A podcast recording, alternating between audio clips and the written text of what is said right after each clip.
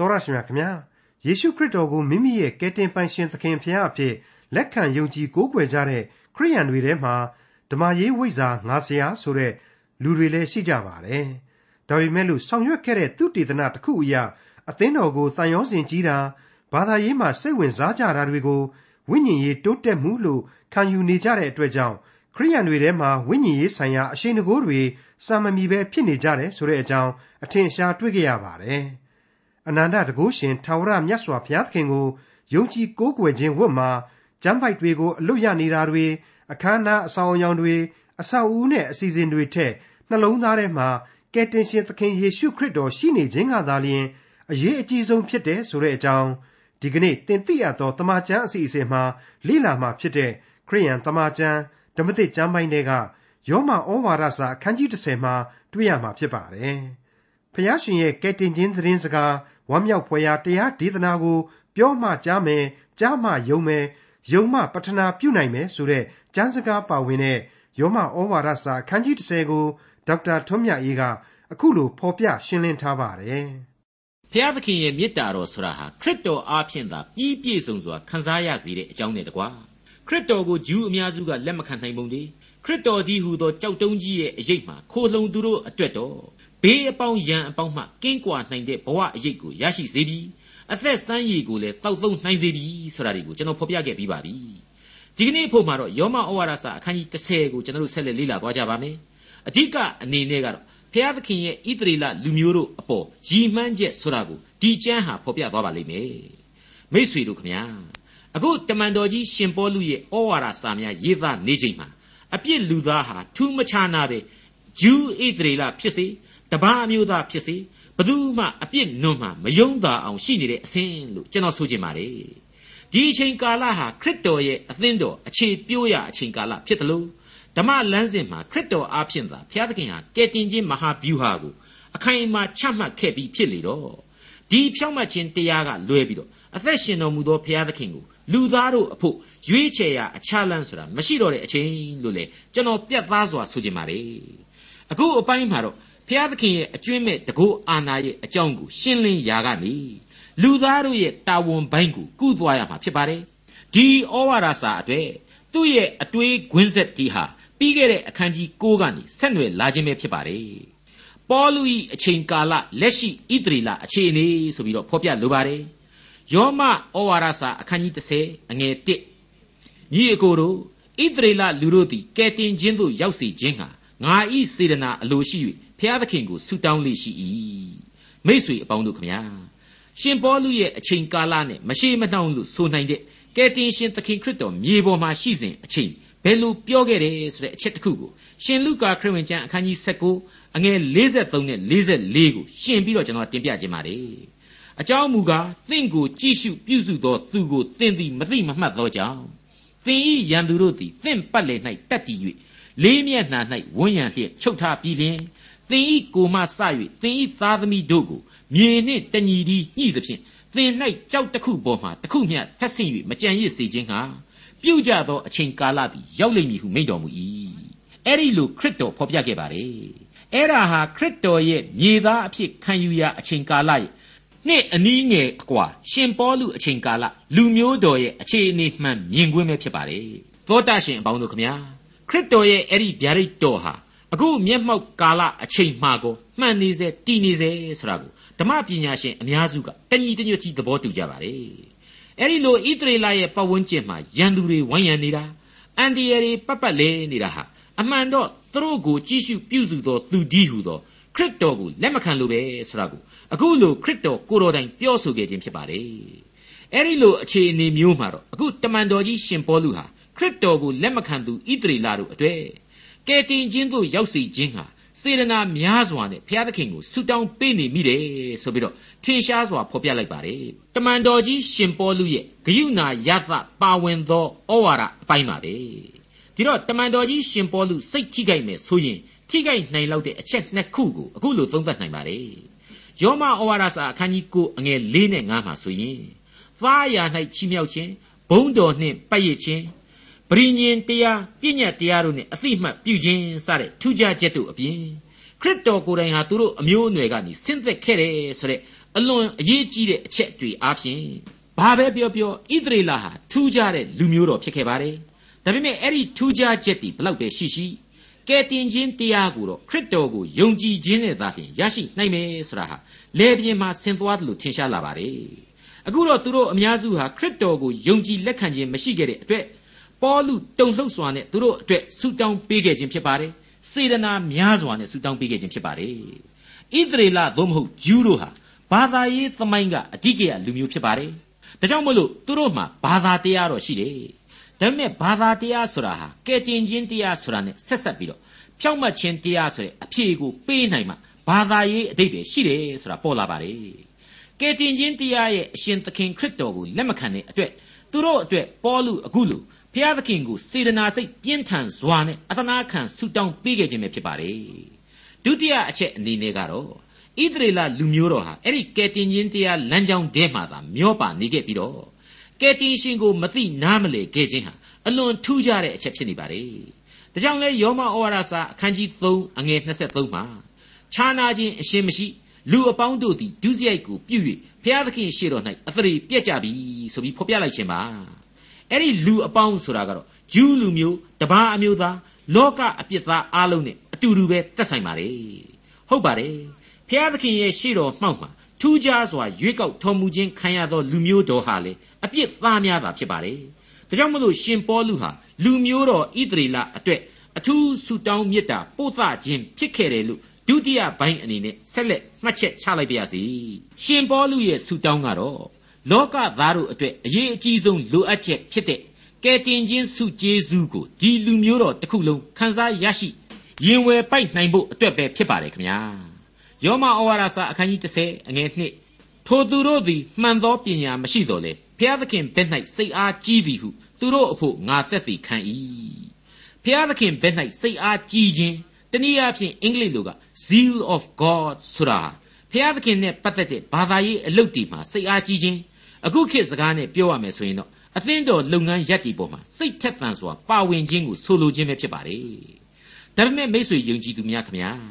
အဲ့ဒီလိုအဖွဲ့အစည်းလုပ်ငန်းတွေမှာမပြတ်တမ်းပါဝင်လှုပ်ရှားပြီးတော့စိတ်ဓာတ်များတက်ကြွမှုရဲ့နောက်ဆွယ်မှာကယ်တင်ရှင်သခင်ခရစ်တော်ရဲ့အသေးခံခြင်းနဲ့ရှင်ပြန်ထမြောက်တော်မူခြင်းကိုအကျွင့်မဲ့ရင်ဝယ်မပိုက်ဘူးကိုယ့်ရဲ့အတွင်းအစ္ဆထနှလုံးသားထဲမှာခရစ်တော်အမှန်တကယ်ကျင့်ဝတ်မှုမရှိဘူးအဲ့ဒီလူများဖြစ်နေကြလေသလား ကယ်တင်ရှင်သခင်ခရစ်တော်ကျင့်ဝတ်ထိုက်လောက်တဲ့စိတ်ဝိညာဉ်တန်ရှင်းစင်ကြယ်မှုတို့ကိုရှိကြပါရဲ့လားအဲ့ဒီအချက်တွေသာချုံ့ငဲ့နေမယ်ဆိုရင်တော့ဘာသာရေးလမ်းကြောင်းမှာမျောပါခြင်းဆိုတာဟာတက္ကန္တာကယ်တင်ခြင်းစုကျေးဇူးကိုခံယူရရှိခြင်းဆိုတာဟာတက္ကန္တာစီဖြစ်တယ်လို့ပဲကျွန်တော်သတ်မှတ်ချင်ပါတယ်ရှင်ပေါလုအဲ့ဒီအတိုင်းပဲသတ်မှတ်ပါတယ်အန်ဒီရဲ့ဘလောက်ကြီးတယ်လေအဲ့ဒီလိုဂန္ဓာချင်းဘာမှမဆိုင်တာဖြစ်လို့ ဖျားသခင်ဘက်၌စိတ်အားကြီးတိုင်းမလုံလောက်သေးဘူးမှန်သောပညာဆိုတာလိုအပ်တယ်လို့ကျမ်းစာကရှင်ပေါလုအဖျင်ဆိုလိုက်ပြန်ပါလေဒါဟာလေအလွန်လေးနဲ့တိကျတဲ့အမှန်တရားပါဖျားသခင်ကိုကြောက်ရွံ့သောသဘောသည်ပညာဤအချုပ်အခြာဖြစ်၏ဆိုပြီးတော့တမန်ကျမ်းစာမှာဆိုထားတယ်မဟုတ်ဘူးလားဒါဟာအလွန်အရေးကြီးတယ်သက်ဆိုင်နေတယ်လို့ကျွန်တော်အလေးနဲ့ခံယူမိပါတယ်မိတ်ဆွေအပေါင်းတို့ခမညာအနန္တတကုရှင်ဘုရားသခင်ကိုယုံကြည်ကိုးကွယ်ခြင်းဝတ်မှာ ကျမ်းပိုက်တွေကိုအလွတ်ရနေတာတွေအခမ်းအနားအဆောင်အယောင်တွေအဆောက်အဦနဲ့အစီအစဉ်များတွေတဲ့နှလုံးသားအတွင်ကဲတင်ရှင်ရှိခြင်းကသာလျှင်အရေးအကြီးဆုံးဖြစ်တယ်လို့လေးစားစွာတင်ပြလိုက်ပါရစေယောမဩဝါဒစာအခန်းကြီး30အငယ်3ထိုသူတို့သည်ဘုရားသခင်၏ဖြောင့်မတ်ခြင်းတရားကိုမသိဘဲကိုဖြောင့်မတ်ခြင်းကိုတည်စေခြင်းဟာရှာကြံသောကြောင့်ဘုရားသခင်၏ဖြောင့်မတ်ခြင်းတရားကိုဝန်မခံကြအနှစ်သာရမပါဝင်တဲ့ယုံကြည်ကိုးကွယ်ခြင်းဆိုတာဟာ အချီးအနှီးပဲဖြစ်တယ်ဆိုတာကိုမိမောင်းထိုးပြသလိုက်ပါတယ်ကိုဟာဘုရားသခင်ကိုဘာကြောင့်ကိုးကွယ်တယ်လဲကိုဟာလူကောင်းလူတော်သူတော်စင်ဖြစ်ဖို့ကိုးကွယ်တာလားဒါမှမဟုတ်ရင်ဘုရားသခင်ရဲ့ဖြောင့်မတ်ခြင်းတရားကိုဝန်ခံကိုယ့်အပြစ်ဇာတိကိုခွာချနောင်တရပြီးကိုးကွယ်တာလားဒါတွေဟာမေးရမယ်မေးခွန်းတွေဖြစ်လာပါတယ်ဓမ္မသုတေသီဒေါက်တာဂရစ်ဖစ်သောမတ်ဆိုတဲ့ပုဂ္ဂိုလ်ကြီးဟာအသင်းတော်ကြီးတွေနဲ့အသင်းတော်ခေါင်းဆောင်ပိုင်းကြီးတွေကိုနှစ်ပေါင်းများစွာ သူတေသနာပြုလေ့လာပြီးတဲ့အခါမှာစိတ်ပြက်လက်ပြက်မှတ်ချက်ချခဲ့ဘူးပါလေသူ့ရဲ့မှတ်ချက်ကတော့အခုလိုပါအသင်းတော်ကိုတန်ရောစဉ်ကြီးတာအမှုတော်ကိုထမ်းဆောင်ကြတာဘာသာရေးမှာစိတ်ဝင်စားကြတာတွေကိုအများစုသောလူသားတို့ဟာဝိညာဉ်ရေးတိုးတက်မှုအဖြစ်ခံယူနေကြခြင်းဖြစ်ကြောင်းနှစ်20အတွင်းကျွန်တော်ဤသုတေသနလုပ်ငန်းအဖြေများကဖော်ပြနေပါသည်တဲ့တို့အတွက်ကြောင့်ပင်ဖြင့်အဖက်ဖက်ကတိုးတက်နေပါတယ်ဆိုတဲ့ ယုံကြည်သူတို့ရဲ့အဖွဲ့အစည်းအတွင်းမှာဝိညာဉ်အရှိန်တကိုးများစံမမီပဲကြဆင်းခြင်းဖြစ်နေတယ်လို့သူကဖွင့်ဆိုခဲ့ပါတယ်ကျွန်တော်ဟာပြီးခဲ့တဲ့သင်ခန်းစာတွေမှာအလိုတော်ရှိရာပြုတော်မူပါကိုတော်ရှင်အိုရင်ကျွန်ုပ်အိုးမြေဆိုတဲ့ဓမ္မတေးနဲ့ပတ်သက်ပြီးတော့ကျွန်တော်ရဲ့သဘောထားကိုရှင်းလင်းတင်ပြခဲ့ပြီးဖြစ်ပါတယ်အဲ့ဒီအဆင့်အထိကျွန်တော်တို့ယုံကြည်သူတွေဟာတက်လှမ်းနိုင်ကြပါပြီလားအကျွင်းမဲ့ဘဝကိုပုံနှင်းနိုင်ကြပါပြီလားဆိုတာတွေဟာမေးရမယ့်မေးခွန်းပု္ပ္ပာတွေဖြစ်ပါတယ် အခုဣသရေလဘာသာရေးသမားတွေလို့တော့သူတို့ကိုယ်သူတို့ဆိုတယ်အဲ့ဒီခံစားချက်ကြောင့်မောက်မာကြတယ်ဒါပေမဲ့ဘုရားသခင်ရဲ့ဖြောင့်မတ်ခြင်းတရားကိုရှင်းလင်းပြတ်သားစွာတက်သိမခံနိုင်ခဲ့ကြဘူးကျေးဇူးနဲ့ဂရုနာတော်ကိုလည်းသူတို့နားမလည်ခဲ့ကြဘူးအငယ်လေးယုံကြည်သောသူအပေါင်းတို့သည်ဖြောင့်မတ်ရာသို့ရောက်မည်အကြောင်းပြည့်ညတ်တရားသည်ခရစ်တော်အားဖြင့်စုံလင်ခြင်းရှိ၏ မျက်စိမှာပြာကနေဖြစ်သွားအောင်လှန့်ပေးလိုက်တဲ့အဆုံးအမလို့ကျွန်တော်ကလေးစားစွာခံယူလိုက်ပါတယ်ဘုရားသခင်ချထားပေးတဲ့ပြည့်ညတ်တရားအပေါင်းတို့ဟာခရစ်တော်ကိုလက်မခံရင်အပိုပဲဆိုတာကိုရှင်းရှင်းကြီးဖော်ပြလိုက်ခြင်းပါဂလာတိဩဝါဒစာအခန်းကြီး3အငယ်24မှာထို့ကြောင့်ငါတို့သည်ယုံကြည်ခြင်းအပြင်ဖြောင့်မတ်ရာသို့ရောက်စေခြင်းဟာပြည့်ညတ်တရားသည်ခရစ်တော်ထံသို့ငါတို့ကိုပို့ဆောင်၍ငါတို့၏အထိန်ဖြစ်သည်ရှင်းနေပါတယ်နော် ပြည့်ညတ်တရားတော်ပြည့်ညတ်တရားတော် ਨੇ အကြီးအကျယ်ကြီးလောက်တာနေတာအထင်ကြီးမနေကြနဲ့အဲ့ဒါတခြားမဟုတ်ဘူးခရစ်တော်စီကိုပို့ဆောင်ပေးတဲ့အထိန်ဖြစ်တဲ့အဲ့ဒီခရစ်တော်စီကိုမှမသွားပဲအထိန်ဖြစ်သူပြည့်ညတ်တော်တို့ကိုသာကိုးကွယ်နေသည့်ကာလပတ်လုံးကိုဟာခလေးစိုးကြီးအဆင့်ကနေဘယ်တော့မှတက်လှမ်းနိုင်တော့မှာမဟုတ်ဘူးဆိုတာကိုရှင်ပေါလုပြတ်သားစွာဖော်ပြလိုက်ခြင်းဖြစ်ပါတယ်အခုဆက်လက်ပြီးတော့ဣသရေလရဲ့အခြေအနေမှန်ကိုလေ့လာခြင်းဆိုပြီးတော့တင်ပြလိုပါသေးတယ် ယောမဩဝါဒစာအခန်းကြီး30အငယ်9မှ9မောရှေကလည်းထိုအကျင့်ကိုကျင့်သောသူသည်ထိုအကျင့်အပြင်အသက်ရှင်လိမ့်မည်မဟုတ်ဟုပြည့်ညတ်တရားနှင့်ဆိုင်သောဖြောင့်မတ်ခြင်းတရားကိုရည်မှတ်၍ရေးထားသည်ယုံကြည်ခြင်းနှင့်ဆိုင်သောဖြောင့်မတ်ခြင်းတရားဆိုသည်ကကောင်းကင်သို့အဘယ်သူတက်လိမ့်မည်နည်းနည်းနည်းရတဲ့သို့အဘယ်သူဆင်းလိမ့်မည်နည်းဟုစိတ်ထဲမှမအောင်မေ့နှင့်ဟုဆို၏ထိုသို့ဆိုသောခရစ်တော်ကိုဆောင်ခဲ့ခြင်းဟာကောင်းကင်သို့အဘယ်သူတက်လိမ့်မည်နည်းခရစ်တော်ကိုသေခြင်းမှထမြောက်စေခြင်းဟာ နည်းနည်းရတဲ့သို့အဘယ်သူဆင်းလိမ့်မည်နည်းဟုဆိုလိုသည်ကိုကပြည့်ညက်တရားတွေအတိုင်းကျင့်နိုင်လို့ဖြောင့်မတ်တယ်ဆိုရင်လေအဲ့ဒီဖြောင့်မတ်ခြင်းဟာကဲတင်ခြင်းတရားအသက်ရှင်ခြင်းတရားနဲ့ဆိုင်တဲ့ဘုရားသခင်ဖြောင့်မတ်ခြင်းမဖြစ်နိုင်ဘူးကိုထူကိုထဖြောင့်မတ်ခြင်းသာဖြစ်ပါလိမ့်မယ်တနည်းပြောရရင်ဓမ္မရေးဝိဇ္ဇာငါဆရာဆိုတဲ့ဝိဇ္ဇာဘွဲ့ရရှိတဲ့လောကီဝိဇ္ဇာတူဖြစ်ကောင်းဖြစ်နိုင်တတ်တဲ့ဘာမှမပို့ဘူးလို့ရှင်ပေါလုဆိုလိုပါတယ်အဲ့ဒါကိုမောရှိကိုယ်တိုင်ကသဘောပေါက်ခဲ့တယ် အကျင့်အားဖြင့်အသက်ရှင်မှာမဟုတ်ဘူးဆိုတာကိုမောရှိကိုယ်တိုင်ကကြေညာထားခဲ့တယ်လို့ရှင်ပေါလုကပြတ်သားစွာဆိုလိုက်ပါတယ်ဒါဟာအလွန်မှန်ကန်တဲ့အချက်ဖြစ်ပါတယ်အသက်သေခြင်းအသက်ရှင်ခြင်းဆိုတာတွေဟာခရစ်တော်အားဖြင့်သာဘုရားသခင်ပြုစုပေးခဲ့တဲ့အရာတွေဖြစ်ပါတယ်ဒီအချက်ကိုယုံကြည်ခြင်းမရှိတဲ့အကျင့်တရားဟာအသက်လန်းနဲ့အဝေးကြီးဖြစ်နေပါလိမ့်မယ်အငယ်၈မှ30တဖန်ဆိုသည်ကတရားတော်သည်သင်နှင့်နီး၏ သင်ဤနှုတ်၌၎င်းသင်ဤနှလုံး၌၎င်းရှိသည်ဟုငါဆို၏ထို့သောဆိုသောငါတို့ဟောသောယုံကြည်ခြင်းတရားကိုဆိုလိုသည်အဘယ်သို့နည်းဟုမူကားသင်သည်သခင်ယေရှုကိုနှုတ်ဖြင့်ဝန်ခံ၍ဘုရားသခင်သည်သူ့ကိုသေခြင်းမှထမြောက်စေတော်မူပြီဟုစိတ်နှလုံးထဲ၌ယုံကြည်လျင်ကဲတင်ခြင်းသို့ရောက်လိမ့်မည်ဖြောက်မတ်ရာသို့ရောက်ခြင်းဟာစိတ်နှလုံးဖြင့်ယုံကြည်ရ၏လူတွေရှိမှအခမ်းအနားကြီးသဘောမျိုးနဲ့ထပြီးဝန်ခံเสียမလို့တလို့ နှလုံးသားမပါဝင်တဲ့အစဉ်အလာသဘောတွေနဲ့လေကဲတင်ခြင်းဆိုတာကိုမရယူနိုင်ပါဘူးစိတ်နှလုံးကလက်ခံယုံကြည်တာကိုနှုတ်ကဝန်ခံရမယ်ဆိုတာဟာအပြောနဲ့အလုပ်နဲ့ထံကတိုင်းကြရမယ်ဆိုတာကိုဖော်ပြလိုက်ခြင်းပါပဲပြီးတော့နှလုံးသားဆိုတာဟာကိုယ်ခန္ဓာကိုယ်တစ်ခုလုံးကိုကိုစားပြုထားပါတယ်နှုတ်မှဝန်ခံခြင်းဟာသစ္စာဂရိတည်စေခြင်းဖြစ်ပါတယ်တနည်းအားဖြင့်တော့ယုံကြည်ခြင်းဆိုတာဟာအုံဘုံယုံကြည်ခြင်းမဖြစ်ရသလိုအခမ်းအနားဆန်တဲ့ယုံကြည်ခြင်းလည်းမဖြစ်ရပါဘူး ဒီနေရာမှာရှင်ယာကုပ်ဩဝါဒစာရဲ့အဆုံးအမတစ်ခုကိုသတိရဖို့လိုပါတယ်ရှင်ယာကုပ်ဩဝါဒစာအခန်းကြီး2အငယ်20မှာအကျင့်နှင့်ကင်းသောယုံကြည်ခြင်းသည်အသေးဖြစ်သည်လို့ဖော်ပြထားပါတယ်မိษွေတို့ရေယုံတယ်ယုံတယ်နဲ့ယုံတယ်ဆိုတာကိုအော်နေယုံနဲ့တော့မရစကောင်းပါဘူးယုံကြည်ခြင်းနှလုံးသားရဲ့သက်တည်အဖြစ်ဘဝရဲ့ပုံစံဟာဝိညာဉ်ရေးအနှစ်သာရများကိုဖော်ထုတ်ဆောင်ကျင်းသွားရပါလိမ့်မယ်အငယ်7နဲ့7 ကဲတင်ခြင်းသို့ရောက်ခြင်းဟာနှုတ်ဖြင့်ဝန်ခံရ၏ကျမ်းစာလာသည်ကထိုကြောက်ကိုအမိပြုသောသူမည်သည်ကရှက်ကြောက်ခြင်းမရှိနိုင်ဟုလာသည်ယူဒအမျိုးဟေလသအမျိုးကိုမရွေလူအပေါင်းတို့ကိုအစိုးရသောအရှင်တပါးသည်ရှိ၍ကိုတော်ကိုပတနာပြုသောသူအပေါင်းတို့၌ကျေးဇူးကြွယ်ဝတော်မူ၏ဒီကျမ်းတဲကကြောက်ဆရာဟာဟေရှာယအနာဂတိကျမ်းအခန်းကြီး28အငယ်16ထဲမှာပါတဲ့ကျမ်းကိုရှင်ပေါလုကိုးကားလိုက်တာပါ အရှင်ထာဝရဘုရားကစုံစမ်းသောအမြင့်ကြောက်ကြီးဟုသောမလှုပ်နိုင်အောင်မြဲမြံသောတိုက်တောင်အမြင့်ကြောက်မြတ်ကိုစီးအောင်တောင်ပေါ်မှငါချထား၏ထိုကြောက်ကိုအမိပြုသောသူသည်ပြေးရသောအကြောင်းမရှိဆိုတဲ့အနာဂတ်ကျမ်းစကားပဲဖြစ်ပါတယ်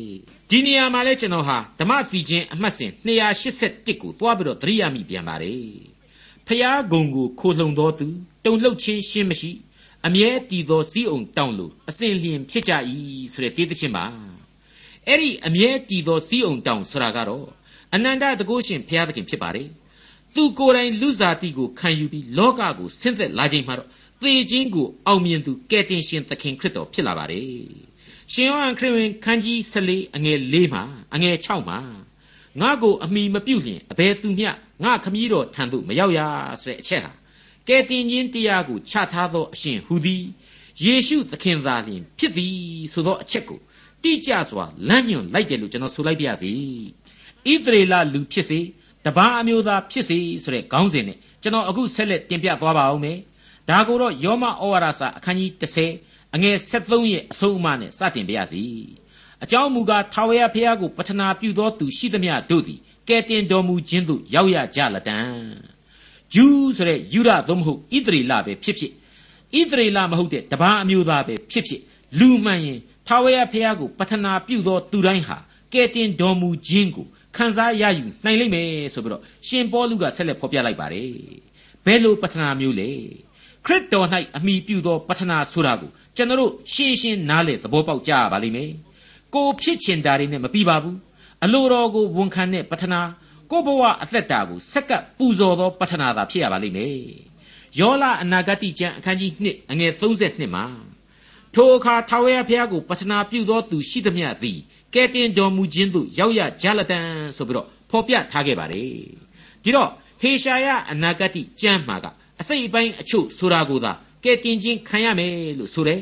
အခုအပိုင်းမှာကျတော့ထာဝရဘုရားကိုပတနာပြုသောသူရှိသမျှလို့ဆိုထားပြန်တယ်အဓိကဟာဘာဖြစ်တယ်ဆိုတာရှင်းနေပါပြီဘုရားသခင်ကိုအမှန်တကယ်နံဝိညာဉ်နဲ့ကိုးကွယ်သူချင်းကအသနာခံသူ ခရစ်တော်၌ဝိညာဉ်အသစ်မွေးဖွားခြင်းခံသူတိုင်းအဖို့ဒီကယ်တင်ခြင်းကျေးဇူးတော်ဟာရှိကိုရှိနေတယ်ဆိုတာကိုအကျယ်ချဲ့เสียလိုတော့မှမထင်ပါဘူးအငယ်14နဲ့15တို့ရာတွင်မယုံကြည်လျင်အဘယ်သို့ပတနာပြုနိုင်မည်နည်းသတင်းမကြားလျင်အဘယ်သို့ယုံကြည်နိုင်မည်နည်းဟောပြောသောသူမရှိလျင်အဘယ်သို့ကြားနိုင်မည်နည်းလူကိုမစေလွတ်လျင်အဘယ်သို့ဟောပြောနိုင်မည်နည်းထို့သောနှင့်အညီကျမ်းစာလာသည်ကငြိမ်သက်ခြင်းဤဝမ်းမြောက်เสียသတင်း ကောင်းကျိုးချမ်းသာ၏ဝမ်းမြောက်စရာသတင်းကိုကြားပြောသောသူ၏ခြေတို့သည်အလွန်တင့်တယ်စွာတကားဟုလာသည်ဓမ္မဟောင်းသင်ခန်းစာတွေကတည်းကပရိညင်သစ်တာတော်ကိုလူသားတို့ဟာပခုံးနဲ့ထမ်းပြီးတော့တည်ဆောင်ရမယ်ဆိုတာကိုကျွန်တော်တို့တွေ့ကြရပြီးပါပြီဒီဝမ်းမြောက်ဖွယ်သတင်းကိုဝိညာဉ်ရှိသူလူသားအချင်းချင်းကသာတည်ဆောင်ဝေမျှသွားကြရမှာဖြစ်ပါလေအဲ့ဒီလိုဝမ်းမြောက်စရာအေဝံဂေလိတရားကိုဟောပြောသောသူ၏ခြေတို့သည်အလွန်တင့်တယ်လှပေစွာဆိုတာကို ဟေရှာယအနာဂတိကျမ်းအခန်းကြီး52အငယ်9မှာပြန်ပြီးတော့ရှင်ပေါလုရှုကြည့်ကိုးကားလိုက်ခြင်းဖြစ်ပါတယ်ဒါဟာအဲ့ဒီဟေရှာယအနာဂတိကျမ်းအခန်းကြီး35မှာပါဝင်ထားတဲ့ကယ်တင်ရှင်သခင်ခရစ်တော်ရဲ့အသေးခံခြင်းရှင်ပြန်ထမြောက်တော်မူခြင်းဆိုင်ရာအနာဂတ်ကျမ်းစကားများနဲ့ဆက်နွယ်နေပါတယ်ဒီအချက်တွေဟာရှုပ်ထွေးသလောက်နည်းနည်းလာပါတယ်ကယ်တင်ရှင်သခင်ခရစ်တော်ကိုလူသားတို့အနေနဲ့ လက်ခံဖို့ခက်ခဲတယ်ဆိုတာကိုလေမယုံကြည်ရင်ဘယ်လိုပတနာပြုမှာလဲဆိုတဲ့အချက်အားဖြင့်ရှင်ပေါလုဟာဖော်ပြလိုက်ခြင်းပဲဖြစ်ပါတယ်။ဒါကိုဟေရှာယကိုယ်တိုင်ကလည်းမေကွန်းထုတ်ခဲ့ပါတယ်။သတိပေးခဲ့ပါတယ်။ဒီအချက်တွေကိုရှင်ပေါလုဟာယောမဩဝါဒစာအားဖြင့်လူသားတိုင်းကိုသိစေလိုက်ပါတယ်။အငယ်16ကိုဆက်ပြီးကြည်ပါ။သို့တော်လည်းလူအပေါင်းတို့သည်ဝမ်းမြောက်စရာသတင်းကိုနားထောင်ကြသည်မဟုတ်။ပရောဖက်ဟေရှာယစကားဟုမူကားအိုထာဝရဖျား။ အကျွန်ုပ်တို့ဟောပြောသောသတင်းစကားကိုအဘယ်သူယုံပါသနည်းဟုဆို၏ဟုတ်ပါတယ်မိတ်ဆွေနှုတ်ကပတ်တော်ဟာအသက်လမ်းပေါ်ကိုလူသားတွေရောက်ရှိအောင်ဆွဲဆောင်နေပါတယ်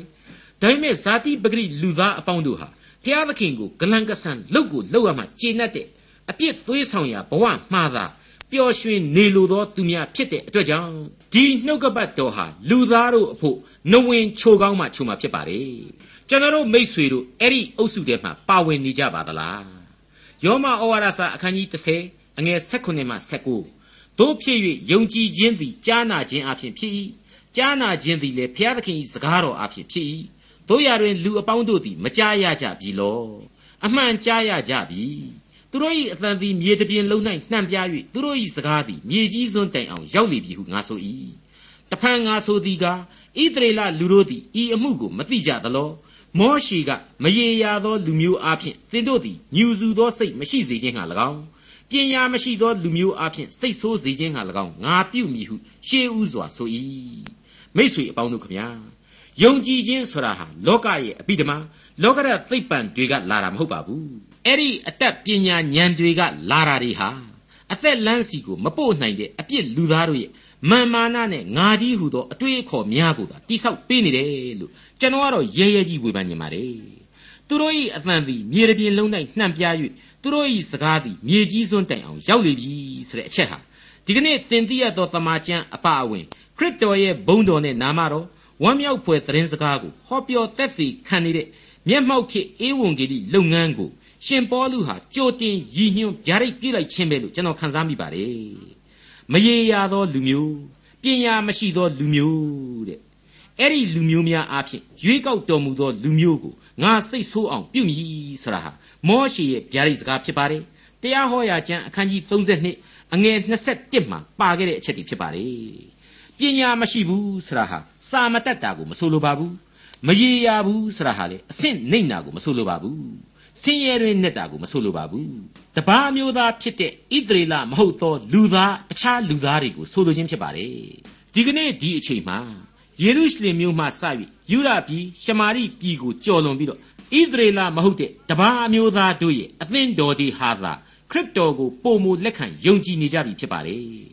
အထူးထင်ရှားပြည့်စုံတဲ့ဗျာဒိတ်တော်ရဲ့အံ့ဩဖွယ်ကောင်းမွန်ခြင်းပဲလို့ကျွန်တော်ဒီနေရာမှာတင်ပြပါရစေယောမဩဝါဒစာအခန်းကြီး30အငယ်20နဲ့21အဆုံးအထိဟေရှာယသည်တာ၍ရဲရင်စွာဆိုသည်ကားငါကိုမရှာသောသူတို့သည်ငါကိုတွေ့ရကြ၏ ငါ၏အကြောင်းကိုမမေးမြန်းသောသူတို့၌ငါထင်ရှားသည်ဟုဆို၏ဣသရေလလူတို့ကိုရည်မှတ်၍တဖန်မိန့်တော်မူသည်ကားနားမထောင်ညင်းဆန်တတ်သောလူမျိုးတို့တနေ့လုံးငါသည်လက်ဝါးကိုဖြန့်ရပြီဟုဆိုသည်လေးစားအပ်ပါသောတင်ပြရသောတမန်ကျန်ရဲ့မိတ်ဆွေတော်တတ်ရှင်အပေါင်းတို့ခမညာ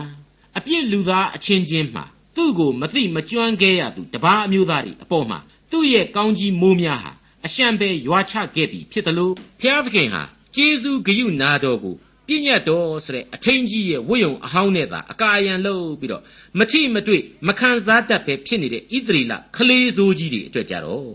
သီးသန့်ချထားတဲ့ဂရိသစ္စာများနဲ့သာအကာအကွယ်ပြုတ်ပေးနေတယ်ဆိုတာကိုရှင်ပေါလုဖော်ပြလိုက်ခြင်းဖြစ်ပါတယ်ဟုတ်ပါတယ်ကျေးဇူးတော်ဆိုတဲ့နှင်းမိုးဆက်တူဟာကောင်းကင်ဘုံကနေပြီးတော့လူပောင်လောကအတွက်ဆင်းသက်တဲ့နေရာမှာဘယ်အရက်ဒေသကိုမှမျက်နှာမလိုက်ပါဘူး ခံယူသူတိုင်းအတွက်အတူတူသာဖြစ်တဲ့အကြောင်းဒီကနေ့မှတ်သားခံယူလိုက်ကြပါဒေါက်တာထွန်းမြတ်ရေးစီစဉ်တင်ဆက်တဲ့တင်ပြရသောတမချန်းအစီအစဉ်ဖြစ်ပါတယ်နောက်တစ်ချိန်အစီအစဉ်မှာခရိယန်တမချန်းဓမ္မသစ်ကျမ်းပိုင်းတွေကယောမဩဝါဒစာအခန်းကြီး7အခန်းငယ်1ကနေအခန်းငယ်19အထိကိုလေ့လာမှာဖြစ်တဲ့အတွက်စောင့်မျှော်နားဆင်နိုင်ပါတယ်။